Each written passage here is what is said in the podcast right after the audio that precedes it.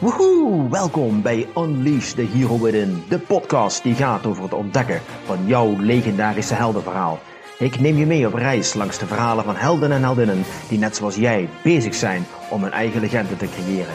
Zij delen hun ervaringen, tips en wijsheden met als doel jou te inspireren om een jemig de pemig fantastisch leven te hebben. Mijn naam is Marcella Heij en you are fucking awesome.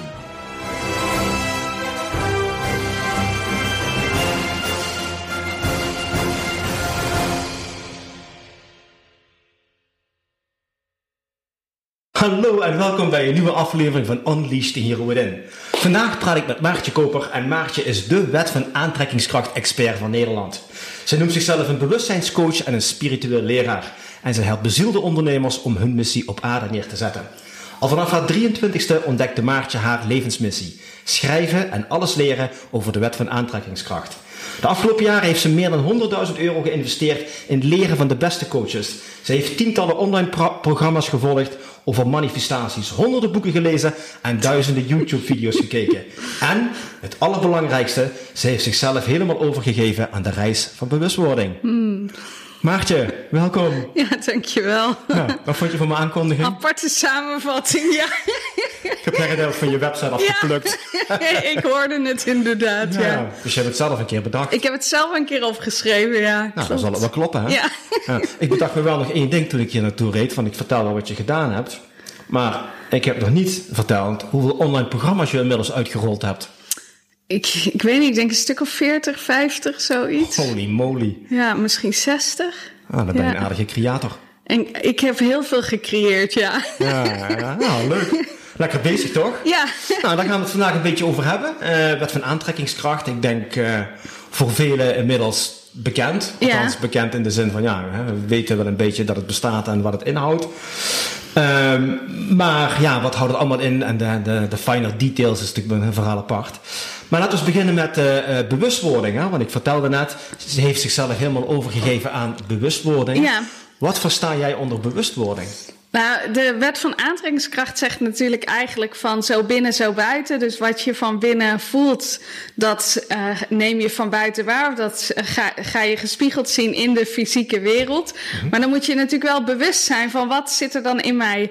Welke gedachten zitten er in me? Welke gevoelens zitten er in me? Wat, is mijn, wat zit er in, in mij? Wat dan die manifestatie op gang brengt. Dus dat is het stukje bewustwording. Dus je bewust worden van ja, hoe je voelt, wat, er wat bij je past, wie je werkelijk bent, hoe je je realiteit creëert, wat je werkelijke gedachten zijn, wat je werkelijke gevoelens zijn.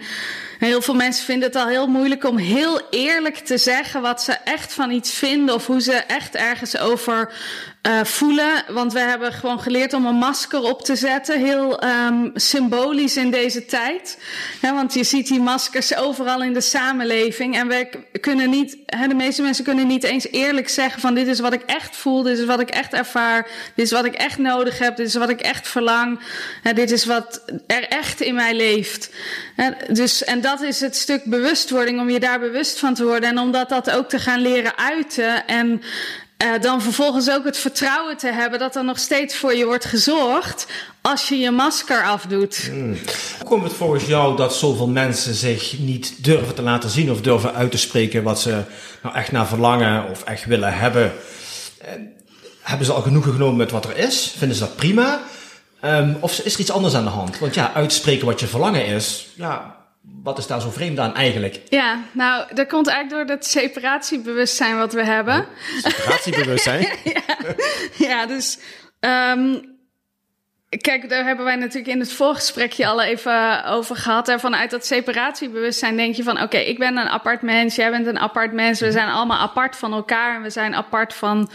Um, uh, God. Dus als ik iets nodig heb, dus ik ben een kind en ik heb iets nodig, ik verlang bijvoorbeeld naar liefde of ik verlang naar ja, bepaalde andere zaken, dan heb ik, moet ik ervoor zorgen dat ik dat krijg van de mensen om mij heen. Dus nou, dan ga je meestal naar je ouders kijken of de mensen om je heen om die behoeftes vervuld te, worden, uh, te zien. Maar dan komen de meeste kinderen in een proces terecht waarin ze eigenlijk leren: ik kan iets goeds doen en ik kan iets fouts doen. En als ik iets goed doe, dan lijkt het alsof ik liefde krijg, of goedkeuring krijg, of validatie krijg. En als ik iets fout doe, dan lijkt het alsof er liefde van mij onthouden wordt. Dus de meeste uh, mensen um, leren zichzelf allerlei strategieën aan om hun behoeftes vervuld te krijgen. Dus ze gaan of um, hoe zeg je dat, uh, mee met hun ouders gaan proberen om goedkeuring te krijgen door zich aan te passen of ze gaan rebelleren en zichzelf afzetten. En er zijn allerlei strategieën die mensen kunnen ontwikkelen om dan hun verlangens vervuld te krijgen. En dat komt eigenlijk dus omdat ze denken dat ze iets goed kunnen doen of iets fout kunnen doen. En daardoor raken we onszelf een beetje kwijt omdat we niet hebben geleerd, die behoeftes die zitten al in wie we werkelijk zijn, in onze bron. En dus ik ben afhankelijk van andere mensen die buiten mijzelf zijn. Uh, om mijn behoeftes vervuld te krijgen. En daar moet ik bepaalde dingen voor doen. En dan raak je eigenlijk verwijderd van wie je werkelijk bent, van je eigen bron, maar ook van de bron, van het goddelijke. Uh, en ja, dat is allemaal een beetje messed up geworden, om het zo maar even te zeggen. Ja, oké, ik kan me er iets bij voorstellen. We willen toch dat fijne gevoel ervaren en we denken van iemand anders hebben we dat nodig. Ja. Die kan ons dat geven. Ja. Terwijl eigenlijk dat fijne gevoel al in onszelf zit. Ja.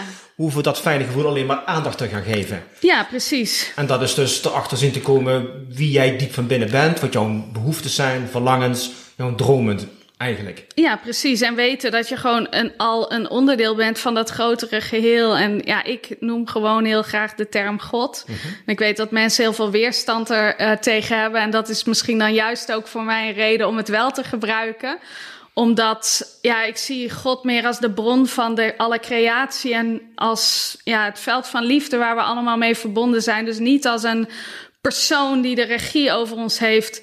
Maar heel veel mensen zien God wel zo, zien het als een soort van straffende figuur die dan de regie over je heeft. Maar jij hebt de regie over je eigen leven. En jij kan, jij kan jouw bewustzijn sturen. Jij kan, want je bent bewustzijn. Het is niet eens jij kan jouw bewustzijn sturen. Jij bent bewustzijn. En je kan vormgeven aan de fysieke realiteit. Dus jij bepaalt wat je denkt en wat je voelt. En je, kan niet, je hebt geen invloed op andere mensen. Ik heb geen invloed op wat jij doet. Het enige waar ik invloed op heb, is op wat ik denk, wat ik voel en wat ik doe. Daar heb ik invloed op. En de meeste mensen proberen, zijn hun hele leven bezig om andere mensen te beïnvloeden. Om hun eigen behoeftes vervuld te krijgen. En ze, ze kijken helemaal niet, wat kan, ik, wat kan ik met mezelf doen? En vanuit de wet van aantrekkingskracht zeggen ze ook vaak: the only thing to change is self. Dus het enige wat je eigenlijk altijd hoeft te veranderen, ben jezelf. En op de rest heb je geen invloed. Ja, nou, dat klinkt natuurlijk best wel makkelijk. Hè? Ja. Ik hoef alleen maar dus uh, naar mezelf even te kijken wat ik precies wil. Even goed luisteren. Uh, wat zijn mijn dromen? Wat zijn mijn verlangens? Wat wil ik graag hebben? Wat maakt me echt gelukkig? Ja. Nou, dan komt er hopelijk wel een antwoord naar boven. Mm -hmm. Maar heel vaak ligt dat antwoord ook weer buiten onszelf. Want dan denken we, als we dat grote huis maar hebben, als ik uh, die grotere auto heb, die nieuwe baan heb, die perfecte partner, ja. noem maar allemaal op. Dus dan zoek ik het weer buiten onszelf. 100 procent. En de meeste mensen gaan dat buiten zichzelf zoeken totdat ze echt hebben geleerd: oh, ik kan echt niets buiten mezelf vinden. Ik heb het ook gedaan. En je weet het. Ik al, je zei ook van vorige keer was ik in je grote huis. Ja, dat heb ik ook mee geëxperimenteerd. Van hoe voelt dat? Wat ervaar ik daarbij? Hoe werkt dat uh, voor mij? Hè, om die, die zaken te ervaren. Nou, dat zijn leuke ervaringen, maar niks van dat alles maakt je gelukkig. Hè, dus als je, als je gelukkig bent, dan is alles wat je doet een verrijking voor je leven. En als je niet gelukkig bent, zal er niets zijn wat je gelukkig maakt. maar dat geluk, kijk, geluk is ook een beetje een apart woord. Want het geluk is eigenlijk iets van het ego. Het ego is eigenlijk altijd aan het proberen om geluk te krijgen en pijn te voorkomen daarboven zit niet specifiek geluk in iets wat je wil bereiken of in iets wat je wil hebben, maar er zit innerlijke vrede. Innerlijke vrede met alles wat zich aandient. Vreugde, hè? innerlijke vrede en vreugde stijgt eigenlijk, ja, ja voldoening, ja. stijgt eigenlijk boven geluk uit. En want geluk is nog steeds, voelt voor mij nog steeds van ja, afhankelijk van de omstandigheden. En daar moet je eigenlijk bovenuit stijgen. Want dat is wat ik net ook een beetje bedoelde van dat mensen hebben geleerd, ik kan iets goed doen of ik kan iets verkeerd doen. En dat is echt van het ego die probeert um, plezier te krijgen of pijn te vermijden. En daarboven zit het bewustzijn van: oh, wacht, er gebeurt nooit iets verkeerd. Ik doe niks verkeerd. Het is altijd God. Het is altijd het goddelijke. Het is altijd liefde. En of ik word gezegend met een hele fijne ervaring en ik ervaar daarin vreugde of vrede. Of ik word gezegend met een pijnlijke ervaring en ik ontvang een les. Ik ontvang waar ik nog niet af ben gestemd op mijn hogere zelf. Maar dus daar zit een beetje het probleem. Want dat ego probeert dan altijd de fysieke wereld te beïnvloeden om pijn te voorkomen en geluk te krijgen. Terwijl het beide goede, het, er is niets mis mee. Dat is helemaal niet het doel. Het is dat je leert van je pijn. En dat je eens kijkt welke les zit hierin. Wat, waarom ervaar ik dit? Waarom heb ik dit gecreëerd? Wat projecteer ik nou op mijn fysieke realiteit dat ik deze ervaring heb? En als je dat leert, ja, dan kun je, dan kun je andere keuzes maken. En dan kun je keuzes maken die meer innerlijke vrede en vreugde in je leven brengen. Maar ja, dat betekent niet dat je daarvoor fout was. En dat betekent misschien dat je keuzes hebt gemaakt die niet zo handig waren. Maar ja, je hebt niets verkeerds gedaan. Want daarvoor zijn we hier om gewoon te experimenteren en te leren. En het, het enige waarom dat mensen denken dat dingen fout zijn, is omdat stel ik doe iets en ik doe en jij hebt pijn. Uh, wij hebben samen een co-creatie of een ervaring en ik uh, maak een keuze en jij ervaart pijn van die keuze, dan zou jij kunnen denken dat het mijn schuld is. Van jij hebt iets gedaan en dat heeft mij pijn veroorzaakt. Maar wij creëren het samen op zielsniveau is dit een 100% gelijkwaardige creatie. En dus ik heb niets verkeerd gedaan. Ik ben geen dader, jij bent geen slachtoffer. Wij hebben samen een ervaring gecreëerd waar we iets van hebben geleerd. En misschien zullen we de volgende keer andere keuzes maken. Dat we denken, dit gaan we nooit meer doen. Mhm. Maar we hebben het samen gedaan.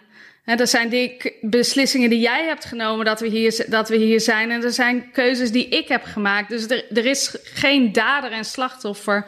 Dat is natuurlijk voor mensen een heel lastig concept. Want dan gaan mensen gelijk over hele erge dingen als moord en verkrachting denken en zo. Ja, Maar. Ja, ja, ik kan me voorstellen, inderdaad. Ja. ja. nou goed, een stukje uh, non-dualiteit is dat. Hè? Er is geen hmm. goed of er is geen slecht. Dus alles is uh, een ervaring. Ja. En het is aan jou de keuze om daar een betekenis aan te geven. Precies. En soms voelen die, uh, die keuzes die je maakt, die voelen niet fijn aan. Hè? Dat is de emotie, zeg maar, die dat teweeg brengt. En eigenlijk is dat een soort uh, signaal van, als ik dit doe, dan voelt dat niet fijn aan. Ja, nou, niet meer doen dus. Niet meer doen, de volgende keer doe ik het anders inderdaad. Ja. Dan gaan we even terug naar die uh, stukje bewustwording. Hè? Want eigenlijk zijn we opgevoed, weet je, je noemde het net al. Als klein kind begint dat al. Als ik dit doe, dan krijg ik de goedkeuring van mijn ouders. Ja. En als ik dat doe, dan gaat het helemaal fout. Ja. Nou, dus eigenlijk ja, worden we zo al opgevoed. Ja. En dan worden we allemaal ouder, hè? dan gaan we in het leven deelnemen. Dus we gaan een relatie krijgen, we gaan samenwonen, komen kinderen, drukke baan, noem maar allemaal op. Dus we zijn al helemaal geconditioneerd met die beloning. ik doe iets voor jou en dat voelt goed aan voor mij. Ja. Maar dat is niet de bedoeling, want de bedoeling is dat we iets uit intrinsiek mhm. gaan doen. Hè? Iets wat in onszelf zit, waarbij we niet meer afhankelijk zijn van een ander om dat fijne gevoel te ervaren. Mhm. Nou goed, nou kreeg ik een beetje het gevoel daarbij van, poeh, weet je wel, dat lijkt een hele grote berg die ik moet gaan beklimmen. En ik sta helemaal onderaan en ik zie de top nog niet eens. Ja. Dus eigenlijk is dat een berg die ik moet gaan beklimmen om erachter zien te komen, wat maakt mij nou echt gelukkig, zonder de goedkeuring van anderen eigenlijk. Ja. Maar het is, het is eigenlijk zaak om dat een beetje simpeler te maken. In de zin van, jij hebt het nu over een hele reis en over een berg. En uh, om te denken van, ja, daar is niet echt een reis of er is niet e-, echt een berg. Er is alleen maar dit ene moment. Mm -hmm. En in dit ene moment maak ik een keuze. Okay. En in dit ene moment kan ik kiezen en we, in iedere situatie kunnen we een keus maken of ik dien mijn ego. dus dan zou ik bijvoorbeeld deze podcast opnemen van, oh kijk mij eens goed zijn of geweldig zijn of ja, ik, ik zoiets mm. hè, van oh aanzien of uh, oh wat interessant of of ik dien. Uh, je maakt een keuze vanuit liefde. Dus ik probeer gewoon oprecht iets waardevols mee te geven en oprecht vanuit een stukje verbinding een hele interessante middag met jou te hebben. Mhm, er mhm. een ervaring van te maken met ons tweeën. Dus dan maak je een keuze vanuit liefde. En het leven brengt je situaties En als je in situaties gewoon voor liefde blijft kiezen, dan ontwikkelt je pad zich vanzelf. Ook als je voor ego kiest. Het maakt niet zoveel uit. Voor de creator is iedere keus valide. Vanuit het mensperspectief, dan kun je zeggen van, oh, je maakt een egoïstische keuze of een verkeerde keus. Terwijl ik ook wel zie tegenwoordig van, ja, heel veel mensen, als ze zeggen van, je bent egoïstisch. Heel veel mensen zien mij als egoïstisch. Terwijl, ja, ik doe echt altijd mijn, oprecht mijn best om voor liefde te kiezen. Maar vanuit het separatiebewustzijn is het gewoon heel lastig om het verschil soms te zien van, voor mensen. Van wanneer kies je vanuit liefde mhm. en wanneer kies je vanuit ego. Want mhm. liefde kan er voor sommige mensen egoïstisch uitzien. Omdat je jezelf eigenlijk op de eerste plaats gaat zetten en ophoudt om jezelf jouw eigen welzijn eigenlijk op te offeren om validatie of goedkeuring te krijgen. En dat kan voor sommige mensen heel egoïstisch eruit zien. maar het is een keuze voor liefde. Ja. Want vanuit dat eenheidsbewustzijn, als ik niet voor liefde kies voor mezelf, ja, hoe kan ik dan in godsnaam voor liefde kiezen voor jou? Dat kan, Het kan niet. Ik kan jou niet boven mijzelf zetten, want als ik jou boven mijzelf zet, ontken ik God. Ontken je liefde ook? Ik ontken liefde. Want, en, dan, en ik leg ik de verantwoordelijkheid bij jou neer. Want ik zeg eigenlijk, ik wil niet doen wat er voor nodig is om gelukkig te zijn of om uh, vreugde te ervaren. En, uh, want daar moet ik allemaal moeilijke dingen voor doen. Hè. Ik moet moeilijke beslissingen nemen. Ik moet dingen doen die ik niet, misschien helemaal niet makkelijk vind. Ik moet uh, grenzen aan gaan geven. Ik moet mijn visie uiten. Ik moet, ik moet daar allerlei moeilijke dingen voor doen. Dus ik wil die verantwoordelijkheid niet nemen. Dus ik ga proberen om jou gelukkig te maken. En in ruil daarvoor maak jij mij gelukkig. Het, ja, het is een omweg. Dus ik ga allerlei dingen voor jou doen. Of je daar nou wel of niet om vraagt, dat maakt niet zoveel uit. Ik bepaal wat, jij, wat jou gelukkig maakt. Ik ga jou die dingen geven. En in ruil daarvoor doe jij bepaalde zaken voor mij. En dus het is eigenlijk. En dan, dan zeg ik van. En dan wil jij bijvoorbeeld andere keuzes maken. En dan zeg ik: Oh, jij bent egoïstisch, want ik heb dit allemaal voor jou gedaan. En nu maak jij mij niet gelukkig. En nu laat jij mij in de steek. Terwijl ik had mezelf gelukkig moeten maken. En als daarbij uh, mijn emmer vol is of mijn kop vol is en dat uh, gaat overstromen naar jou, ja, dan dat is, de, dat is het beste wat je kan hebben natuurlijk. Hè? Maar dat kan niet als je niet eerst zelf happy bent. Ja. Ja, ja. Dus het is niet egoïstisch. Het is in principe een keuze voor liefde om eerst ervoor te zorgen dat je zelf gelukkig en geliefd bent in je eigen leven, in je eigen lichaam. En vanuit daar stroomt je kopje over. En heb je heel veel aan mensen te geven. En maar als je altijd aan andere mensen geeft en niet aan jezelf, en ik denk dat we allemaal wel die mensen kennen of zelf die periodes gehad, je bent gewoon leeg en je voelt je leeggezogen. Uh, je hebt niets te geven, je bent verdrietig, je bent, of je bent depressief of je hebt een burn-out. Ja, je bent, voelt gewoon totaal geen verbinding met jezelf. Maar dan kun je ook geen verbinding voelen met andere mensen. Dus het is een daad van liefde om jezelf voorop te stellen. En dat is ook een beetje het lastige, want wat ik nodig heb om gelukkig te zijn, is iets heel anders dan wat jij nodig hebt. Ja, dus mijn keuze voor liefde hoeft helemaal niet jouw keuze voor liefde te zijn. En daarin moeten mensen leren dat we elkaar kunnen respecteren, elkaars verschillen. En je ziet nu ook met alles wat er gebeurt, een, een soort van hè, kamp ontstaan van dit is de weg en iedereen moet zich aanpassen voor mijn weg. Nee, iedereen moet zijn eigen weg volgen en respect hebben voor elkaars vrije wil en vrije keuze. Dat is ja, in mijn ogen de ideale, situatie. Ja, ja, dat, ik denk dat heel veel mensen dat ook zo zien. Ja. of je nou kiest voor dat hele inenting wel of niet, maakt even niet zoveel uit. Ik denk dat heel veel mensen zeggen van ik doe dit wel, ik heb respect die jij dat niet doet, all good. Ja, hebben ook nog te maken met zoiets als een overheid die zegt, nou, dat is wel mooi dat jullie er onderling zo, zoveel respect hebben voor elkaar. Maar als jij niet doet wat ik zeg, dan heeft dat gevolgen van jou. Dus dan wordt er met angst gezaaid. Toch? Ja, ik moet wel lachen, maar ja, oké. Okay. er wordt met angst gezaaid. Ja. En ik denk dat dat um, ook tussen mensen onderling zo gebeurt. Want we kunnen ook zeggen, als jij dat niet doet voor mij, ja. dan zwaait er wat. Ik bedoel, als klein kind krijgen we dat ook al mee, hè? Ja. Dat soort uh, opmerkingen van onze ouders. Dus het zit er helemaal in Ja, maar dat is, het is echt... Ja, dit is de grootste grap. Want als mensen dit zouden begrijpen... dan zou dit hele probleem wegvallen. Maar het is valse macht. Kijk, als jij zegt... jij moet dit doen... en anders zwaait er wat, dan heb ik, ik heb een keuze. Ik zeg daar ja tegen of ik zeg daar nee tegen. Als ik daar ja tegen zeg, dus jij zegt jij moet dit of dat doen, anders krijg je een boete. En ik zeg oké en ik pas me aan, dan is dat mijn keus. mensen denken wel, ja, ik heb geen keus. Nee, jawel, je hebt nu net je keuze gemaakt. En als je nee kiest, is het ook een valide keus. Maar mensen denken, als ik dan nee kies, dan moet ik de gevolgen accepteren van wat die persoon tegen mij zegt. Dus jij zegt tegen mij: je moet een mondkapje dragen, anders krijg je een boete. Nou, een beetje misschien een uh, precair onderwerp. Uh, daar wordt van alles over gedacht. Maar dus, als ik, dus dan kan ik zeggen: oké, ik kies ervoor om dat. En dan, op dat moment is dat mijn keuze die ik met God maak, eigenlijk. Hè? Dus het is, jij zegt tegen mij van dat moet ik doen, maar ik kies om. En dan denken mensen, waarom kies je dan nee? Omdat jij tegen mij zegt, als je het niet doet, dan krijg je of een boete of. Um, je krijgt, uh, je valt buiten de uh, society, de maatschappij, of uh, je bent asociaal. Hè? Dus dit is, wordt dan ook, hoor ik mensen ook wel eens zeggen van je bent uh, je houdt geen rekening met andere mensen of uh, je hebt de dood van andere mensen op je geweten of zo. Dus dat, dat, die consequentie willen mensen niet aanvaarden. Die, daar willen ze niet voor kiezen. Dus dan kiezen ze maar om mee te gaan. Maar het is valse macht. Want ik kan zeggen: nee, ik kies er niet voor om met jou mee te gaan. Maar ik kies er ook niet voor om asociaal te zijn. Ik kies er ook niet voor om, een, uh, om me schuldig te voelen daarover, dus om een boete te creëren. Ik kies er ook niet voor om um, te, te geloven dat ik iets verkeerd heb gedaan door mijn eigen afstemming te volgen hierin. Dus ik maak, ik ga niet mee met jouw keuze. Ik maak 100% mijn eigen afgestemde keuzes. En daar hou ik aan vast.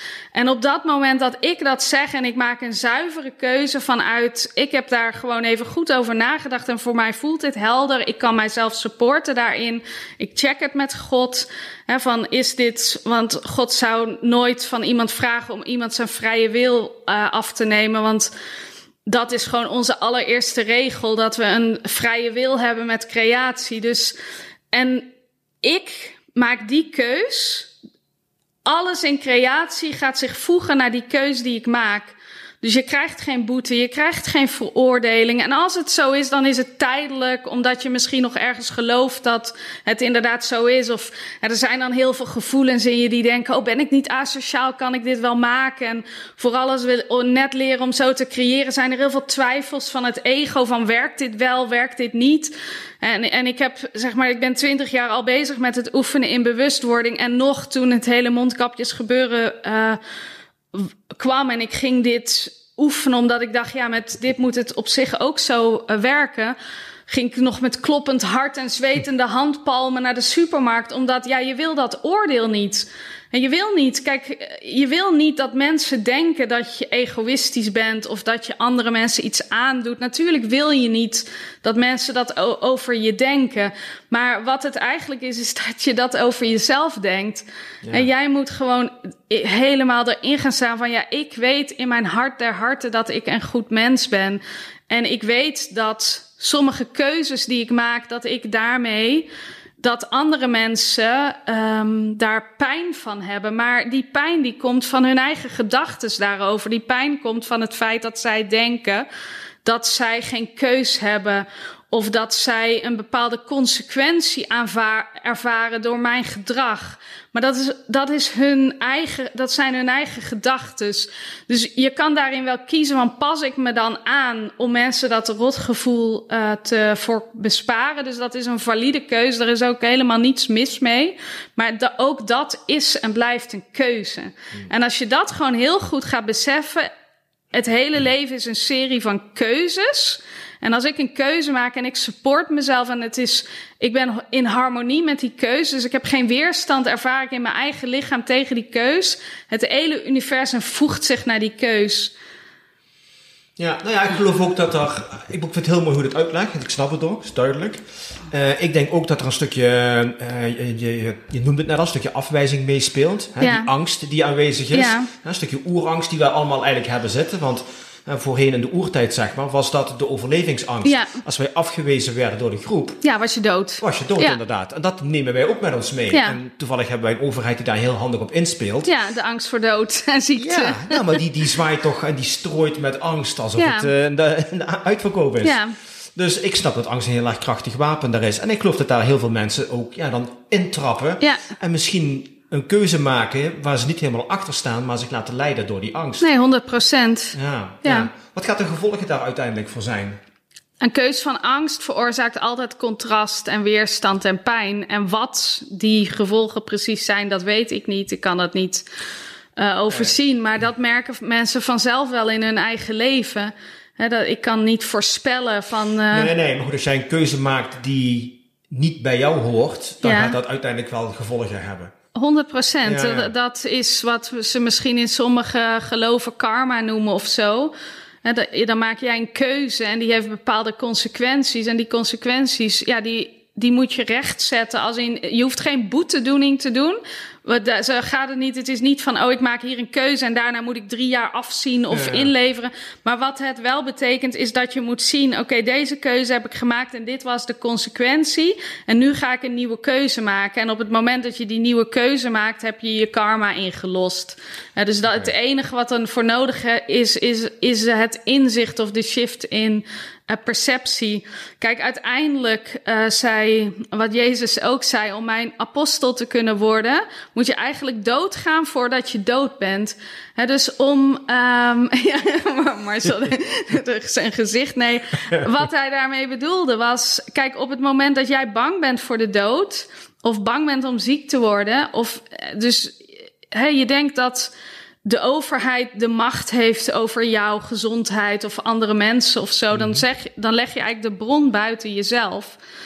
dus je moet eigenlijk bereid zijn om ja, dood te gaan. Je ego denkt, als ik dit kwijtraak of dat kwijtraak, of als ik niet meer leef, dan hou ik op te bestaan.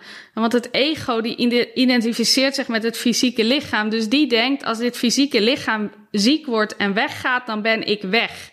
En als uh, de mensen van wie ik houde doodgaan, dan ben ik weg. Maar dat ja, is niet zo, want we zijn bewustzijn en we zijn, we zijn eeuwig. We kunnen niet doodgaan. Ons lijf kan sterven. Dus we kunnen afscheid nemen van ons lichaam. Dus je moet een soort van bereidheid hebben om daar oké mee te zijn. Ja, dit lichaam laat ik op een gegeven moment los. En het is helemaal oké. En ik weet niet wanneer dat, dat zo is. Wat ik wel geloof is. En dat weet ik niet, want dat kan ik pas testen over als ik zelf uh, besluit om eruit te stappen. Maar wat zo'n klein stemmetje in me zegt is van op het moment dat je um, een vol bewustzijn hebt, dat je ook zelf kiest wanneer je klaar bent met dit leven. Dus dat je op een gegeven moment denkt, nu ben ik er klaar voor. Uh, want alle keren dat ik zelf bijvoorbeeld ziektes heb gehad, dan koos ik ergens niet voor het leven. Ik koos niet voor, daarom gaan worden mensen ziek, omdat ze niet voor het leven kiezen.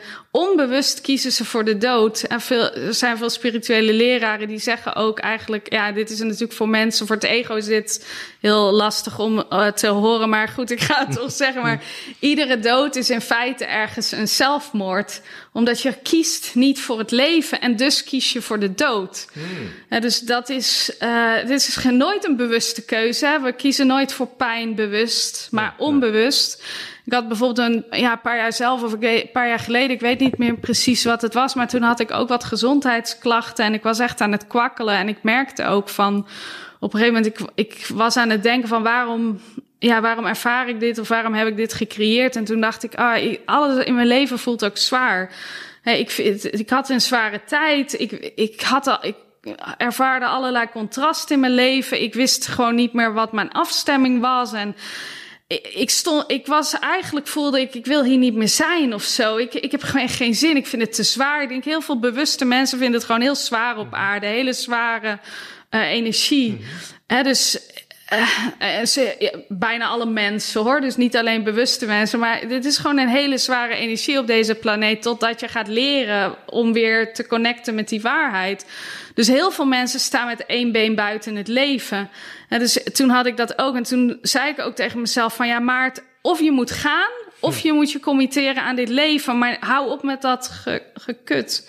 En met je, bent hier of je bent hier niet. Maak een keus. Maar dit slaat gewoon nergens op. Dus en dan moet je ook gewoon echt tegen jezelf zeggen: ja, ik ga ervoor. Ik ben hier ook gekomen met een reden, wat die reden dan ook is. Hè. En ik heb er ook gewoon geen zin om op deze manier in het leven te staan. En dan kies je weer. En dan merk je ook dat die gezondheid en die energie weer uh, terugkomt. Hè. Dus ja, dat. Uh... Ja, ja, ja, kiezen voor het leven. Ik bedoel ik, ik denk dat we iedereen zouden vragen, nou niet iedereen trouwens, maar de meeste mensen kiezen wel voor het leven. Alleen ze weten niet precies hoe dat leven eruit ziet. Hè? Waar, waar, kiezen ze dan voor? Ja. Want eigenlijk als ze kijken naar de realiteit vaak, hè, kijken ze naar die realiteit en denken ze van ja, het ziet er aan de buitenkant misschien fantastisch uit, maar ja, eigenlijk voel ik me daar helemaal niet zo prettig bij. Ja. Dus ze hebben iets gecreëerd waarvan ze dachten dat ze dat nodig hadden om gelukkig te zijn. Natuurlijk best wel heel vaak voorkomt, hè? Bij mannen ja. heet dat een midlife crisis. Ja. Um, en dan komen ze ineens achter van dit is niet wat mij echt gelukkig maakt. En dan? Ja, daarom moet je ook proberen een beetje eruit te stappen van dit maakt me gelukkig of dit maakt me niet gelukkig. En meer dat gaan shiften naar ik creëer geluk of voldoening of vreugde in ieder moment. En uh, dan zijn er natuurlijk dingen die beter bij je passen en dingen die niet beter bij je passen, maar die ontstaan ook een soort van organisch als je je daarop richt. Dus als jij je blik richt op de hoogste bijdrage die je in ieder moment kan zijn. En in ieder moment dieper in jezelf gaan. Die al die aardse dingen, uh, wat je behoort te doen. Je financiën, je gezondheid, die ontstaan min of meer vanzelf. En dus dat, ja, dat is wel wat verder voor de meeste mensen in hun bewustwordingsproces. Daar, daarom, en je kondigde me ook aan als wet van aantrekkingskrachtleraar. Dat is eigenlijk de eerste soort van kennismaking met we creëren onze eigen realiteit. En dan gaat het inderdaad vooral nog om dat werk of dat geld of die auto of die spullen. En, of, en dat, dat, dat is een hele goede en gezonde fase, want je leert dat je keuzes kan maken en je leert om jezelf te bekrachtigen. En dus alleen als je door die fase komt, kom je er ook wel achter van, oh ja, ik voel wel, me wel heel veel meer krachtig en sterker. Maar ik voel dat er ook nog een diepere laag is. En dan ga je daardoor heen om echt van binnen die voldoening te vinden met alles wat het leven zich aanbrengt. En ja, dan valt, ja, lijkt alles gewoon samen te vallen. En je hoeft niet je best meer te doen om dingen te creëren. je bent nog steeds wel bezig met zo binnen, het zo binnen, zo buiten proces. Dus dat je denkt van, oké, wat in mij zorgt dat ik dit ervaar? Of, maar er zit, ja, er is veel minder oordeel over. En nou, er zullen hierna ook nog hartstikke veel fases zijn die ik, waar ik nog uh, aan moet komen. Ja, ja, dus, dus uh, ja, het begint eigenlijk met jezelf. Als je jezelf beter wilt voelen, begin dan eerst met jezelf beter te voelen. Ja. Dus reageer op een beter voel, met een beter voelende emotie. Ja. Zodat zich dat kan manifesteren in de externe wereld. Precies. Ja, ja. Je hebt hem door. Ja, ja, ja. ja. Oké, ja, goed. Ik, uh, ik uh, Abraham Hicks, bijna ja, elke avond. Abraham Hicks. Ja, nee, maar zij zeggen het goed. Van, richt je gewoon op het, op de, het beste wat je je kan voelen in deze omstandigheid. En dan zul je beter voelen de omstandigheden aan gaan trekken automatisch. Dus, en, en dat is en dus dat ego is gericht op de buitenwereld en, om, en die gaat eigenlijk altijd leren van dit werkt zo niet. Dus die ervaart altijd contrast en verdeeldheid en chaos en dat soort dingen. En op een gegeven moment ga je leren, oh dit is het gewoon echt niet waard. Dit is het gewoon niet waard. Ik wil gewoon die innerlijke rust hebben en die mm. innerlijke vrede. Dan laat ik die zaken maar los, maar dan komen ze juist. Ja, dus dat is heel grappig. Ja. Nou, eigenlijk is het wel grappig ja, dat wij in, dit, uh, in het rijke Westen waar we wonen eigenlijk de keuze hebben gemaakt om zo naar het leven te kijken. dat extern geluk belangrijker is dan intern geluk. Mm. Ik heb een jaar lang gereisd, dus ik heb ook de andere kant van de medaille mogen zien. Wat heel bijzonder is, want daar hebben ze letterlijk helemaal niks. Ja. Maar ja, het, ik heb hele bijzondere mensen ontmoet die ontzettend ja. Gevuld zijn met vreugde en liefde Ja. en heel behulpvol zijn. Ja. Dus ik vind het interessant dat wij daar blijkbaar voor gekozen hebben om dat anders te doen. Ja, nou en het kan natuurlijk en en. Hè? Ik bedoel, je Mm. kan natuurlijk en gewoon intern geluk hebben en eh, dingen om je heen verzamelen, fysieke dingen die je dienen. Ja. Ik denk dat dat uiteindelijk de kern is. Dat wat je ervaart in je leven, je relaties, je financiën, je huis, dat dat jou dient in de missie die je hebt of waarom dat je hier op aarde bent. Dat is denk ik gewoon het allerbelangrijkste. Hè? Dus als jij dat kan creëren, ja, dan, dan is het toch alleen maar voldoening. Ja. Dus, eh, ik heb ook altijd een beetje moeite met het woord overvloed in de zin van ja, er als je genoeg hebt, dus als jij gewoon hebt wat je nodig hebt om jouw beste leven te leiden, dan is dat, ja, dan is dat goed. Dan Ja. is dat voldoende. Je hebt niet meer nodig dan je, je hoeft niet meer te hebben dan je nodig hebt. Wat moet je met, wat moet je met die overvloed? Begrijp je wat? Die. Mo- die moet je, zou je eigenlijk moeten laten stromen. Hè? En, en, geven aan anderen. ja, eigenlijk. ja, laat anderen dan ook dat ervaren. Of, ehm, dus ja, dat, wat, eh, wat heeft het voor zin om dat allemaal op de bank te zetten of te gaan hamsteren? Of Hmm. ik kan daar persoonlijk de, ehm, de waarde niet eh, van zien. Nee, nee, nee. Geld is handig, maar het is een, het is een gereedschap. Je moet er iets mee doen. Ja, het moet stromen. Als, ja. het, als het te lang stilstaat, dan ja, daar gebeurt iets mee. Iets raars ook. Maar goed, wij hebben het dus straks gehad over dat financiële systeem. Dat klopt niet natuurlijk. Er zitten heel veel, want er zijn heel veel, is gebouwd voor een groot deel op ego. Op het vergaren van bepaalde zaken of zoveel mogelijk geld vergaren of om bepaalde macht te ervaren. Ja, Misschien is dat wel, ja. Ja, Van geld naar macht. Ja, dat is wel de weg. Als je macht wilt hebben, zou je geld moeten hebben. Dan kun je je macht kopen. nou, maar het is, blijft valse macht. Dat ben ik met je eens, inderdaad. Ja, de, ah, je eens. de enige die echt macht heeft, is de, een keuze vanuit het godde- goddelijke bewustzijn. Dat is de enige, het enige wat echt macht heeft. Maar weet je wat het is? Ehm, toen we de re- realiteit creëerden, hebben we, ehm, hè, we hebben een soort van afgesproken of gekeken hoe we dit kunnen doen. Hè? En we hebben als zielen vrije wil.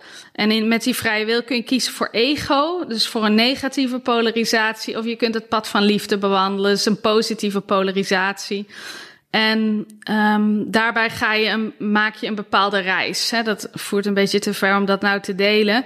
Maar met het pad van negatieve polarisatie, wat aan zich een valide pad is, kun je nooit terugkomen. Die weg gaat nooit terug naar God.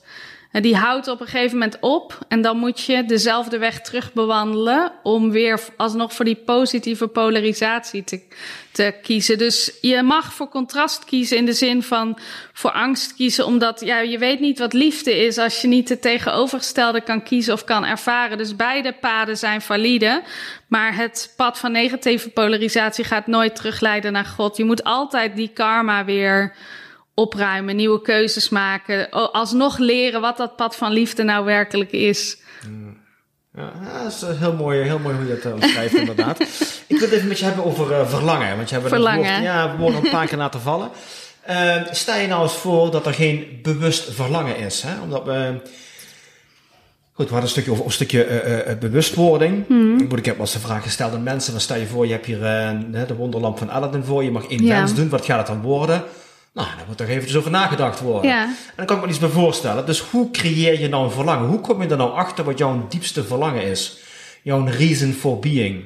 Ja, nou ik denk wat ons kernverlangen is, is om onszelf te leren kennen als de creator. En dat is denk ik het enige kernverlangen van waarom dat we hier zijn. En daaruit zijn allerlei andere verlangens van om dat verlangen te bereiken. Dus te leren wie je bent als creator. Om ja, eh, een huis te manifesteren of een bedrijf of je zielsmissie of relaties te hebben of eh, communities te bouwen, boeken te schrijven, creatieve dingen op het podium te staan. Eh, al dat soort zaken eh, zijn ja, verlangens om dat uiteindelijke verlangen van om jezelf te leren kennen als de creator. Want de creator ja, is dat aspect van ons heeft een bepaalde oneindigheid. Maar als je alles bent en oneindig bent, hoe weet je echt wat je bent? Hè, dus die creator heeft zichzelf in stukken gesplitst. Dat zijn zielen. En dat een stuk van die creatie wordt hè, met een gefocust bewustzijn door ja, mijn ervaring, mijn oogpunt, gekanaliseerd eigenlijk. maar diezelfde creator komt door jou heen. Dus het is de creator die een ervaring heeft met zichzelf. Als we deze podcast aan het opnemen zijn. Ik leer een klein stukje meer kennen over wie ik ben en wat mijn verlangens zijn. Toen straks op de bank ook. Jij vertelt bepaalde dingen. Ik krijg daar bepaalde gedachten bij. Ik voel ook in mijn eigen relatie van, oh ja, daar wil ik het met mijn man over hebben, of daar wil ik het over hebben. Of, hè, dus er, je, er komen allerlei dingen door onze interactie. Hè, dus en ook door, stel je hebt ervaringen in je eentje of je, hebt, je hebt, bent bezig met een creatief proces. Je leert allerlei dingen over jezelf. En al die ervaringen die we in verschillende levens of die, die nemen we mee terug. En ja, dat komt bij elkaar op een gegeven moment in een verder bewustwordingsproces. Dan, dan smelten bewustzijn of groepen bewustzijns groepen van bewustzijn smelten weer samen en dan delen we onze ervaringen en onze kennis met elkaar. En dan krijg je ook inzicht in wat de ander heeft ervaren. En ja, zo wordt het nog groter wat we.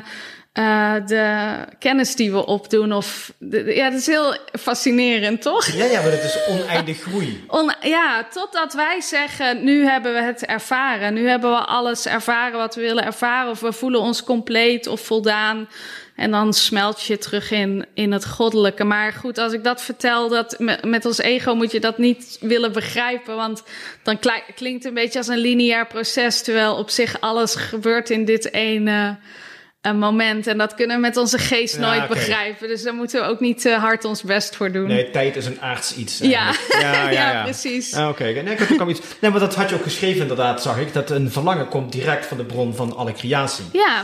Nou, eh, je hebt op zich zielsverlangens en ego-verlangens in de zin van. Kijk, een ego-verlangen in de zin van: kijk mij eens goed zijn, of uh, ik wil aanzien hebben, of ik wil validatie, of ik wil dit, maar het is eigenlijk iemand anders zijn verlangen. dus stel, wij hebben een relatie en ik weet dat jij bijvoorbeeld wil stoppen met werken, dat ik ga proberen om iets voor jou daarin te manifesteren of zo. Dat, dus het is niet echt mijn verlangen. Of je doet, of je gaat bijvoorbeeld naar school om je ouders te plezieren of dat soort zaken. Dus ja, dat zijn ook verlangens die je wat leren over jezelf. Maar dat zijn geen verlangens die je voldoening gaan geven. Die leveren meer contrast en uh, pijn uh, op, zeg maar. Dus er is een verschil tussen echt een zielsverlangen of een verlangen wat uit je hart komt. Mhm. Dus puur voor de ervaring van het verlangen en voor de creatie van het verlangen. Dus voor de ervaring en een ego-verlangen is omdat je er eigenlijk iets anders mee wil bereiken. Dus ja, je wil misschien niet naar school, maar wat je werkelijk wil is erkenning en liefde en validatie. Dat zijn dan je werkelijke zielsverlangens. Die opleiding is misschien helemaal niet wat je wil. Dus er is wel een, een uh, belangrijk om daar. Um, om dat te gaan leren, om dat verschil te leren van is dit echt wat ik wil? Of wil ik dit omdat ik er iets anders mee wil bereiken? Want dan moet je daarop af gaan stemmen en niet op dat andere verlangen. Ja, daar hebben we het, dat woord dat je ook al regelmatig vallen. Afstemmen. Ja. Afstemmen op je hogere ik, afstemmen op je ziel. Uh, dan kan ik me voorstellen dat voor sommige mensen een beetje vreemd klinkt. Hè? Afstemmen op mijn ware ik, mijn ziel. Ja. Kun je daar misschien wat meer over vertellen? Ja, nou het is ook niet echt dat je afstemt op je ziel, want je bent je ziel. Dus kun je afstemmen op iets wat je bent, dat is natuurlijk relatief lastig. Maar het is je uh, gedachtes, dus het is meer van je menselijke aspect stemt zich af op dat zielsaspect. Maar dus je gedachten, je overtuigingen, je gevoelens, je acties afstemmen op dat verlangen. En dus stel ik verlangen naar om um, ja, een zielsvervullende relatie te hebben. Mhm. Nou, dan denk ik liefdevolle gedachten over mezelf en over de andere persoon. De overtuiging is dat ik die relatie kan hebben. Of nou, er zit een hele serie van overtuigingen natuurlijk bij. Er zitten bepaalde gevoelens bij en bepaalde handelingen vervolgens komen daaruit voort om die relatie daadwerkelijk vorm te geven. Dus dat is allemaal afgestemd op dat verlangen naar dat naar die zielsrelatie. Als ik denk, ik ben geen liefde waard, niemand houdt van mij, ik ben gedoemd om alleen te sterven, ja, dan ben je niet afgestemd op dat verlangen van die uh, relatie. Dus dat is afstemmen, dat je die overtuigingen, gedachten, gevoelens en acties in één lijn brengt, als het ware, met dat verlangen. En dat gaat vaak niet in één keer. Je hebt, want mensen weten vaak niet wat er precies zit in hun bewustzijn. Dus het, je hebt vaak de interactie nodig met de fysieke realiteit om je bewust te worden van wat denk ik nu werkelijk, waar geloof ik nu werkelijk in. En dus wat zit er in mijn bewustzijn dat dit creëert? En dan kun je nieuwe keuzes maken. En dan ja, komt er weer een klein stukje van het verlangen, wordt gemanifesteerd. En, dan, en zo is die interactie totdat ja, alles compleet is en je hebt de ervaring. En dan gaat het dus om dat je jezelf beter hebt leren kennen in dat proces. En de manifestatie komt dan als een soort kers op de taart. Ja, oké. Okay, Dus het is niet het doel, het is ja, het, een logisch gevolg van de reis. Ja, precies. Want als je niet weet wat je wilt, ga gewoon dingen proberen. Je gaat vanzelf een ervaring krijgen. Ja. Die ervaring kan positief of negatief zijn. Als het positief is, nou, two thumbs up, lucky you. Ja. Is de ervaring negatief, dan is er contrast. Dan weet je in ieder geval wat je niet wilt. 100 procent, ja. ja. En, en het, le je, hoeft, het is, je hoeft ook niet eens te denken, ik ga gewoon dingen proberen of ik ga. Het leven brengt je gewoon van alles bij je. Daar hoef je je niet eens, daar hoef je, je niet eens mee bezig te houden. Je moet eigenlijk gewoon wat minder hard gaan werken. Want het, het, het mechanisme wat het leven is, is altijd bezig. De, de zee is altijd het is altijd aan het stromen. Het water is altijd aan het stromen. Heel veel mensen zijn zo hard hun best te doen om dingen voor elkaar te krijgen. Ga mee in wat er is. En probeer aan te haken op die stroom van het leven. In plaats van dat jij uh, denkt van, oh, ik moet dit of ik moet dat of ik moet links of ik moet rechts. En in de, dan zit je in je hoofd en in de tussentijd, ja, het leven gaat gewoon door. Ja, ja, de klok tikt, ja. Nou ja, de klok. ja, maar stuff is happening. It's already happening. Ja, okay. Je leeft het al. Het gebeurt allemaal al, maar jij ziet het niet. Want jij zit in je hoofd dingen te puzzelen en uit te denken. En te kijken of je controle kan krijgen over iets wat eigenlijk gewoon natuurlijk gaat. Okay. Ik, ik vergelijk. Jij hebt, jij hebt natuurlijk geen kinderen, maar ik vergelijk het wel eens met bijvoorbeeld een bevalling. Hè? Toen ik zeg maar aan het bevallen was van mijn dochter, had ik een behoorlijk plan over hoe ik wilde dat dat eruit uit zou zien. En nou ja, goed, dat uh, was heel anders gelopen. Maar ook dacht ik halverwege, ik wil een pauze. Hè, ik wil eruit. Uh, laat dit ophouden. Laat dit stoppen. Of kan ik een time-out krijgen? Nee, je moet je overgeven aan het proces. Er is geen time-out. Je kunt nergens heen. En als je je overgeeft hè, aan dat proces, dan oké, dan is dat wat het is. Of je gaat er tegen vechten. Uh, en ja, uiteindelijk kan ik een oordeel hebben over het feit dat ik een hele bepaalde thuisbevalling in mijn gedachten had. En toen raakte ik in paniek en ging, moest ik toch naar het ziekenhuis. En toen werd ik nog geopereerd daarna. En ik zou daar een oordeel over kunnen hebben. Maar het was aan het einde ook een hele helende ervaring. Omdat ik de totale controle los moest laten. En de meeste mensen hebben heel veel moeite om de controle los te laten. Ik ben ook echt zo'n, ja, nu dan minder, maar toen was ik ook echt zo'n controlfreak. En ik heb uren was ik op het internet aan het kijken van hoe dan die bevalling zou gaan en wat ik kon voorbereiden en hoe ik wilde dat het was. En om, maar wat ik, waarom dat ik dat deed, was om die pijn te voorkomen. Want ik dacht, oh, ik, ik was zo bang voor de pijn die ik zou gaan ervaren, dat ik dan maar probeerde om af te stemmen op iets makkelijks. Terwijl, ja, dat kwam zoveel weerstand en contrast eigenlijk zat daarachter.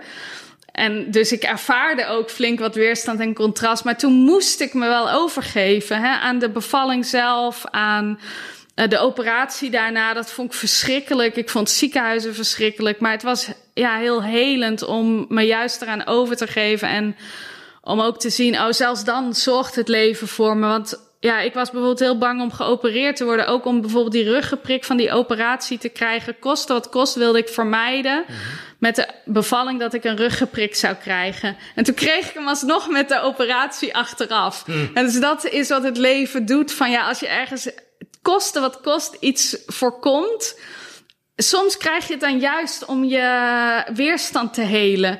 Dus toen, ik was daar ook heel bang voor. En, maar er stond een zuster bij, bij de operatie bij mijn hoofd. Om dat, ja, ze monitoren natuurlijk of je nog bij bewustzijn bent.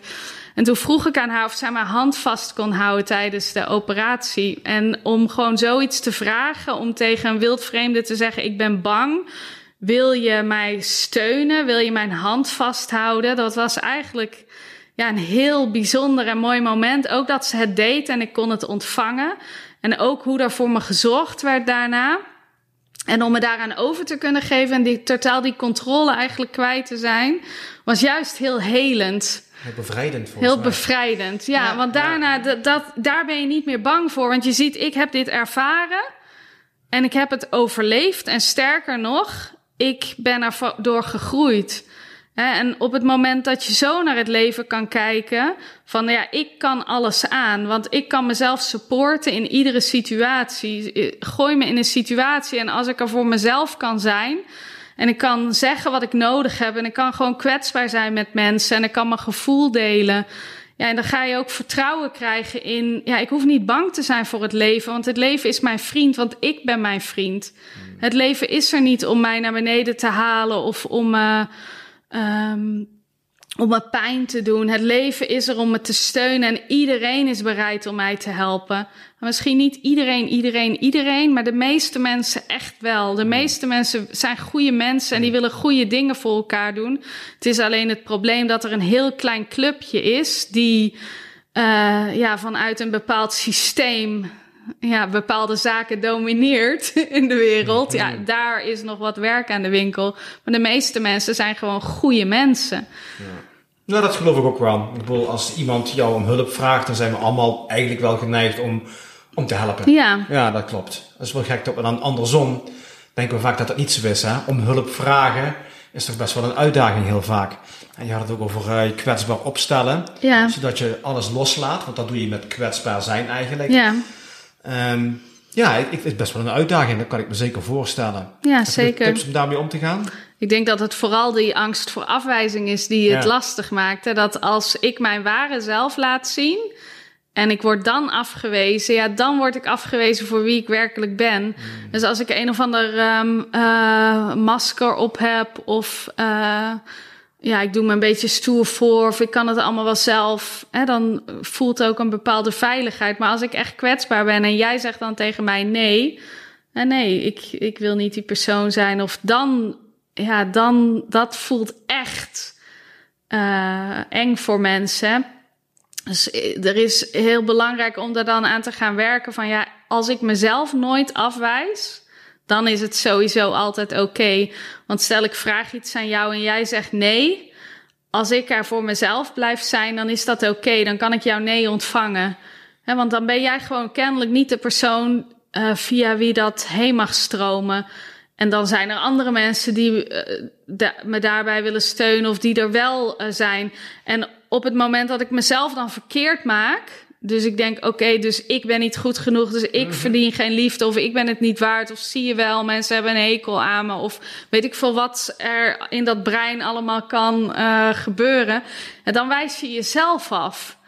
Uh, dus maar op het moment dat ik denk, oké, maar het is helemaal geen uh, probleem, ik ben oké, want ja, ik ben sowieso met mezelf en ik ben met God, dus het is helemaal oké.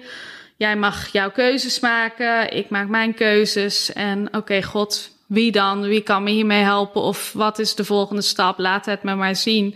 En dus je wijst jezelf niet af. Je zegt niet, ik heb iets verkeerd gedaan of ik ben verkeerd. Mm. Je zegt, oké, dit is kennelijk niet de situatie of de persoon of de omstandigheid, want dit is geen match. Dus het ligt niet aan mij, het ligt niet aan die persoon. Ja, ik weet niet waar het wel aan ligt, maar niet daaraan in ieder geval. Want dat is dan een heel verhaal wat mensen gaan denken van als stel ze zijn hun verlangens aan het vervullen en ze worden afgewezen of ze ervaren contrast, dan denken ze niet: oké, dit is kennelijk niet de juiste stap. Er moet kennelijk een andere weg zijn of ik heb hier iets uit te leren. Ze trekken andere conclusies. Ze denken: ik ben niet goed genoeg. Dit is niet meant to be. Oh, zie je wel, ik word, hè, dit gaat me nooit lukken. Uh, al die deprimerende gedachten. Ja, dan wijs je jezelf af. Als je daarmee ophoudt, je bewust worden in ieder geval van ik wijs mezelf niet af. Ik ga niet al die negatieve dingen over mezelf zeggen. Ik blijf mezelf supporten. Oké, hè, ik, ik, vol, heb letterlijk honderden, duizenden, misschien wel duizenden keren die conversaties met mezelf gevoerd. Oké, okay, Maart, geen probleem. Je bent er voor jezelf. ik, steun, ik kan letterlijk zo tegen mezelf praten. Ik steun je. Ik ben er voor je. dit komt goed. Ik blijf achter je staan. We gaan de juiste keuzes maken. Of ik praat met God. maar Vroeger niet hoor. Ik bedoel, dan zei ik wel al die dingen tegen mezelf van, nou, niemand houdt van me en uh, dit is, dit leven is verschrikkelijk en mhm. weet ik veel wat. Maar dat is gewoon, het is geen bijdrage. Het enige die je afwijst ben jezelf. Ja, nee, dat, dat, ja, dat is duidelijk inderdaad. De enige die je afwijst ben jezelf. Ja. Ja, want dat doe je dan ook. Ja, Want eigenlijk zeg je tegen jezelf, jij bent niet goed genoeg. Ja. Wat gewoon absoluut niet waar is. Dat gewoon echt niet waar is. Nee, nou, als je ervoor kiest om het waar te maken, kan het heel echt aanvoelen. Maar, maar is het is een keuze. Ja, ja. En, kies je niet voor liefde. Nee, je kiest niet voor liefde, ja, nee. Ja, ja, dat klopt.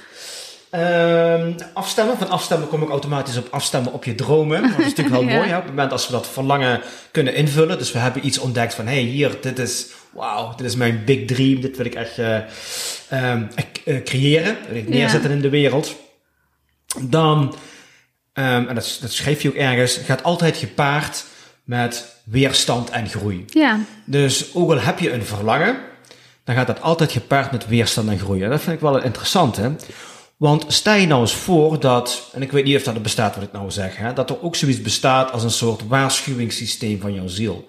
Ja, jouw ziel is misschien ook jouw gids, hè, die helpt jou, die heeft het beste met jou voor is het mogelijk dat die ziel mij ook probeert te waarschuwen. 100 procent. Oké, maar hoe kan ik dan het verschil weten tussen weerstand en tussen een waarschuwing? Nee, het is, uh, weerstand is altijd een waarschuwing. Het is, zegt altijd, ik denk nu gedachten en ik geloof nu in dingen of ik heb nu een perceptie die niet af zijn gestemd op mijn hoogste waarheid. Daar komt die, dat gevoel van weerstand vandaan. Het betekent niet per se dat een situatie niet goed is of dat een persoon niet bij je past. Dat wil het niet zeggen, want ik heb in mijn relaties zat weerstand ervaren en dan waren wij echt nog wel goed voor elkaar.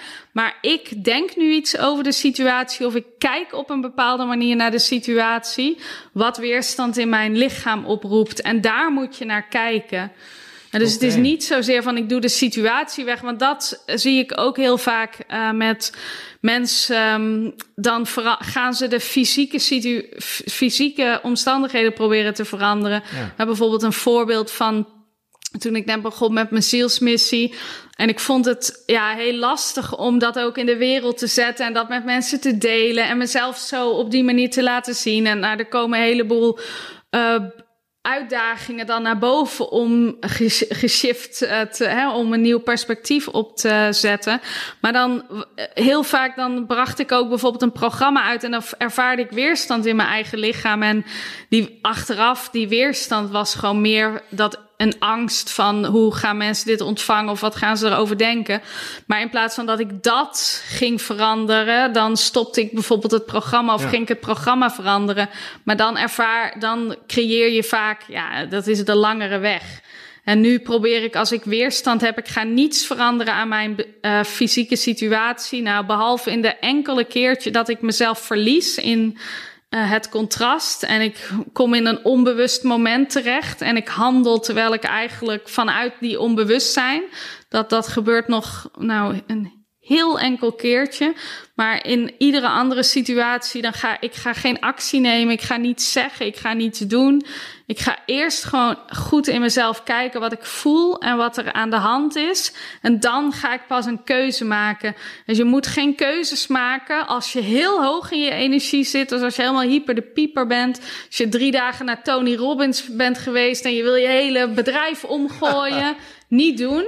Wacht even totdat, je weer, totdat het uitgebalanceerd is. Maar hetzelfde tegenover. Stel, hè, je uh, hebt een groot verlies of je hebt veel pijn of zo. En je wil dan je hele bedrijf omgooien. Ook niet doen. Eerst zorgen dat jij jezelf goed voelt. Dat jij weer wat meer in balans komt en de zaken helder ziet en dat je je emoties heelt. En dan vanuit als je je beter voelt of meer in balans bent weer, dan kijk je, is er nog een verandering mogelijk? Want heel vaak ben je dan eigenlijk alweer oké. Ja. Ja, ik vind dat wel een hele goeie. Dat die weerstand altijd een innerlijk proces is. Ja. Er hoeft niks aan de buitenkant veranderd te worden. Dus jouw gedachten ergens over de situatie maakt je bewust van wat er in je zit. Maar wat er in je zit, zat al in je. Het onbewuste wordt naar de oppervlakte Ja, gebracht. ja. En dat gebeurt nu in de hele wereld. Daarom gebeurt dit allemaal, zodat wij ons bewust kunnen worden van het systeem wat we op basis van ego hebben gecreëerd. En we kunnen daar veranderingen in aanbrengen van, hey, is dit wel waar we voor willen kiezen in ons leven? Of willen we een systeem gaan bouwen wat meer op liefde is gebaseerd en op gelijkwaardigheid en op eenheid? Ja, je zou zeggen dat daar iedereen een voorstander voor is, toch? Nee, Nee, nee blijkbaar niet. Nee, blijkbaar niet. Want anders nee dan maar die shit nou niet. eh, ja, het is een beetje. Maar ken je de Law of One, de wet van eenheid? Nou, ze zeggen eigenlijk van de aarde is nu officieel geshift naar een hogere frequentie. Oké, ja, dat, eh, ja. Dus hè, de, van de, de, de derde eh, dimensie naar de vijfde dimensie, of ze zeggen was van de derde dichtheid naar de vierde dichtheid. Maar het is in ieder geval de frequenties omhoog gegaan. Dus dit is nu officieel een planeet geworden eh, waarin je niet kunt blijven straks als je niet ehm, meegaat in die energie van liefde of onvoorwaardelijke liefde. Dus als je je leven hier leeft en je gaat sterven zonder dat je mee bent geshift naar de frequentie van liefde, dan kun je op deze planeet straks niet meer terugkomen. Dan moet je dus incarneren op een andere planeet. Dat is wat, er, wat ze delen in dat boek. Dus ik weet niet, het voelt voor mij als waarheid. Dus, maar goed, we, dat is maar een gevoel, kan dat niet testen of Dat is wel een interessant gegeven, want eigenlijk is het dus een soort, ehm, een soort test die we mogen afleggen. Hmm. Ja, die duurt ons hele leven eigenlijk. En daar aan het einde van je leven wordt gekeken, heb je voldoen aan, aan die test? Heb je je, je, je, je, ja, je verbinding met liefde gemaakt? Je verbinding Ja, met heb God je gemaakt? keuzes uit liefde Heb je gemaakt? keuze Ja, liefdes gemaakt en dan mag je terugkeren als je wil. als je dat wilt. Ja. Maar als dat niet gedaan is, dan, eh, nou, weet je wel, dan gaan we een andere keuze maken. Ja.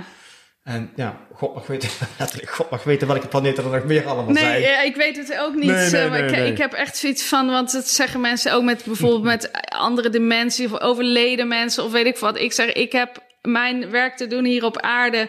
Ik vind het al een uitdaging zat om hier te zijn en hier te blijven en hier mijn werk te doen. Ik hoef nog even Nee, niet nee. te weten wat er allemaal. eh. Maar Af en toe is het interessant om daar even over te nee, fantaseren. 100 procent. Ja, zeker. Alle mogelijke onmogelijkheden Ja. die er zijn. Ja, ja, ja, ja. Hey, over mogelijke onmogelijkheden. Ja. Dat is een mooie springplank trouwens. Ik eh, las in een van jouw eh, nieuwsbrieven, die ik elke dag lees trouwens. Ah, Eh, mooi. je kunt geen problemen oplossen die er niet zijn. Nee, klopt. Ja, dat vind ik wel een hele mooie, want blijkbaar zijn er dus mensen die graag problemen willen oplossen die er niet zijn. Ja, het ego wil constant, die, want die wil problemen maken. Want als ik een probleem heb, dan, dan kies ik voor separatie van God. Ja, want in Gods wereld zijn geen problemen. Want ja die, ja, die zijn er gewoon niet. Hè? God heeft op zich. We hebben een perfecte wereld gecreëerd. Het is alleen onze perceptie erop. Want op het moment dat jij gewoon goed leert luisteren naar jouw interne um, geleidensysteem, ja, dan hoef je niet al dat pijn en dat lijden te ervaren. Hè? Dat, dat, dat hoeft niet. Dus ja, op het moment dat jouw ego jou kan trucken om allerlei problemen. En de, het, het, ego creëert ze ook eerst vaak. En dan lost het ze op. En uh, als je kijkt, dat is een hele mooie symboliek. Want jij, we hadden het natuurlijk straks ook in ons voorgesprekje over de Great Reset uh, gehad. En uh, er wordt natuurlijk ook heel vaak gezegd met mensen die geld verdienen aan andermans lijden. En ze uh, creëren een probleem en dan komt er een reactie en dan creëren ze, dan komt ja. er een oplossing en daar wordt dan geld mee verdiend. Dat zijn allemaal ego-strategieën. Ja. Dus uh, dat is echt, ja, om echt gewoon te weten van ja, ik, je kunt geen probleem oplossen wat er niet is. Dat, het is. Ja, nou ja, blijkbaar zijn we heel erg goed in het, voor ons ego is in ieder geval goed in het bedenken van problemen, zodat we die kunnen gaan oplossen. Nee, 100 procent. En dat ego, dat is niet iets verkeerds, want het, het is gewoon een heel goed mechanisme, zodat we konden overleven, leren overleven op deze planeet. Maar zodra je van overleven en je hebt dat, je bent, hè, je kunt, de, en de, we, hebben, we zijn overleefd. Hè, we, nou, we, we kunnen elkaar nog steeds afmaken op aarde. Dat technisch gezien, nou, het, het kan op zich niet hoor. De frequentie van de aarde is wel zo hoog dat dat technisch gezien zou, ja, in mijn optiek zou dat dan niet meer kunnen. Maar goed, ik uh, kan ook niet, uh, ik kan het niet heel hard zeggen. Maar, um, god, wat was ik aan het vertellen? en halverwege raak ik mijn draadje kwijt. Ja. jij zat ook niet naar mij te luisteren. Jawel, natuurlijk zat ik wel naar jou te luisteren, inderdaad. Maar ik ging steeds meer met jouw zinnen, inderdaad. Dus ik ga mee. Dan, ja, dan gaan we ergens naartoe. Dus ik volg jou braaf op de voet. Ja. en toen raakte ik mijn eigen zin kwijt. Nou, als we terugluisteren, nou, dan was dan het ook niet belangrijk. Ja, oké. ja. Nou, ik, ik heb wel nog uh, een, een, een, laatste vraag aan jou. Ja. Ik, heb, ik wil iets nieuws proberen eigenlijk. Want ik heb gewoon een keer een lijstje met allemaal uh, uh, leuke vragen bedacht. Oké. En ik heb allemaal genummerd. Dus ik denk, misschien moet ik gewoon aan jou, aan de gast vragen. Noem maar eens een nummer tussen 1 en 31. En dat levert een vraag op. Laten we een universum over wat de vraag gaat worden. Oké, nou doe maar acht dan. Nummer 8. Dat is wel een hele mooie vraag. Wat is het beste advies dat je ooit hebt gekregen? Jeetje, het beste advies dat ik. Nou, dat is wel van je creëert je eigen realiteit. Dat is, wat, is niet een advies wat iemand zeg maar woordelijk tegen mij heeft gezegd, maar wat ik las in dat boek van Louise Hey, je kunt je leven helen, waarin zij zegt, ja, jij bent echt de creator van jouw eigen realiteit. Dat heeft wel mijn hele leven veranderd. Niet in het begin, want toen vond ik het heel lastig en ik kon er ook niets mee toen. Want ik had heel veel ellende gecreëerd in mijn leven. Dus ik wilde dat eerst niet zo ervaren. Maar goed, later dacht ik wel van ja, ik, heb al het andere geprobeerd. Hè? En, en ik kan niet mijn eigen shit opruimen. Ik, ik kan- er niet doorheen breken op deze manier, door het zelf te doen. Dus er moet een grotere waarheid zijn. Dus ja, en dat heeft wel mijn hele leven veranderd. Dus als ik dat niet, dan, ja, dan was ik nu dood geweest. Want ik was toen depressief en verslaafd en ik at niet meer. Ik, ik at denk een paar crackers en een beetje dra- drank, drinkontbijt op een dag. Zo, En dan was ik echt dood geweest gewoon. jeetje. Ja, Ja, ja. Nou, normaal gesproken, ik, ik had nog een nieuwe idee bedacht voor mijn podcast. Bij mijn vorige was, gast werkte dat best wel goed trouwens. Een drugsverhaal. Een drugsverhaal. Ja, ja, ja maar ik, ik kan me voorstellen dat niet iedereen daar even enthousiast eh, iets over wilt vertellen. Maar eh, mocht je nog een drugsverhaal willen vertellen, dan heb je nog een paar minuten de tijd. Nou, wat ik wel ehm, op een gegeven moment had, want mijn, ik was zo verdwaald eigenlijk in mijn eigen leven. En ik kon niet dealen met wat er was in mijn leven. En dus ik gebruikte iedere ochtend voordat ik naar mijn werk ging, gebruikte ik drugs, omdat ik anders gewoon niet aan de dag kon beginnen. Wauw. Ja, dat was echt heftig. Ik was echt verslaafd, heel heftig. Wat was jouw eh, drugs of choice? Eh wiet. Wiet? Ja, dus het redelijk soft dan, maar ja, gezien de keuzes die er zijn. Ja. Ja, nu kan ik me dat helemaal niet meer voorstellen. Ik, ik gebruik helemaal niks. Ik, I'm high on life. ik, ik, ik net hetzelfde. Get high on life. Ja, ja. ja, dat is veel beter inderdaad. ja, nee, het is, ik had gisteren een wijntje ingeschonken, had twee slokken. En ik dacht, nee, zelfs dat is gewoon volgens meer? mij verleden tijd. ehm, dus ehm, nee, maar dat was, ja, dat is, dat is, is dat een drugs, goed drugsverhaal? Of was Nee, dat niet maar- wat je... Oh, Nee, nee, nee, nee.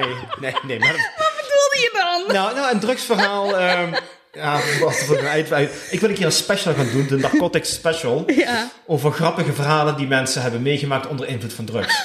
grappige verhaal. Ja, ja, ja. Nou, die zijn er. Ik heb er ook een paar trouwens wel. Maar dat is een different show. Wees dan ook duidelijk, man. Ik weet het. Nou, ik denk drugsverhaal. Dat iedereen. Nou, me tell you what happened. Ja. Nee, ja, voor mij was dat helemaal geen fijne ervaring. Dat is natuurlijk heb- het sucks. Heb je geen leuke ervaringen meegemaakt met drugs? Nee, Vraag je ja. af waarom je überhaupt een drugs gebruikt, hè? Ja, om, om, om, te, ja, om niet de pijn van mijn bestaan Ja, te hoeven verdoven. voelen of zo, verdoven, Ja, ja. Oké, dat is de andere reden. Ja, Ja, ja, ja. Of je gebruikt om de pijn te verdoven, of je gebruikt om hele, le- hele leuke dingen mee te maken. ja, nee, Ja, ja, de optie 2 niet. Nee, nee oké. En dat geeft niks. Andere podcast, andere show, andere andere, podcast, gasten. ja, precies. Nou, daar wordt dus niet voor Nee, uitgenodigd. dat geeft niks, dat geeft niks. Ik vond dit al super fantastisch. Dus ja, ik vond, kan eh, wel wat verzinnen. Ik ben heel creatief. Ja, nou ja, dat stroomt er vanuit, hè. We zijn al meer dan een uur bezig, dus dat ging allemaal vanzelf. Ja. Maar eh, ja, we zijn weer aan het einde gekomen, dus ik wil je hartelijk bedanken voor eh, dat ik je te gast mocht zijn in, in Hedel. ja, In Hedel, met 28 graden vandaag. Dus ik stapte in de auto en denk, oh Marcel, that was not a good idea. Maar ik ben blij dat ik het wel gedaan heb, want ik heb Ja. een super gezellige middag met jou. ja, vond ik Dus, ook. eh, ja, nou super. Dus hartstikke bedankt voor het delen van al jouw wijsheid en jouw inzichten. Ja, jij ook bedankt. Is a pleasure. Dus ik vind het goed onze eerste keer dat we het interview deden. Weet je nog, in Rotterdam? Ja, in dat cafeetje of zo. ja, eh. zo'n restaurantcafeetje. Dat helemaal eh, mislukt was. En dat ik terug moest komen voor een tweede oh keer. ja, dat Weet je klopt. Ja, dat weet ik ook Ja, nog. nou, ik hoop niet dat ik het nog gejinxed heb. Ik hoop dat nou alles eh, erop staat. Ja, het staat er vast op. Dit was eh, goed zo. Ja, ik denk het ook. Maar anyway, many thanks. Beste luisteraar. gedaan. Ja, ook bedankt voor het kijken. Ik hoop dat je kijken en luisteren. Luisteren en kijken trouwens. Mocht je nou alleen maar aan het luisteren zijn. Ik doe ze tegenwoordig ook opnemen met camera. Dus go check it out. Ehm, ik hoop dat je weer wat van opgestoken hebt. Kan bijna niet anders eigenlijk. Dus eh, ja, doe er wat mee. Doe er iets verstandigs mee. En geniet van het leven. Want het duurt maar heel kort. Jee, wat een cliché. Anyways, thanks for listening. Much love. Bye bye.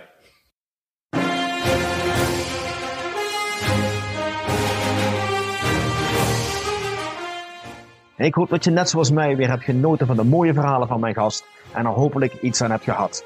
Wil je meer inspirerende goodies ontvangen of hoe jij een fucking awesome legendarisch leven kunt hebben? Ga dan naar mijn website unleashtheherowithin.nl en meld je vandaag nog aan. Thanks for listening and until next time, stay awesome.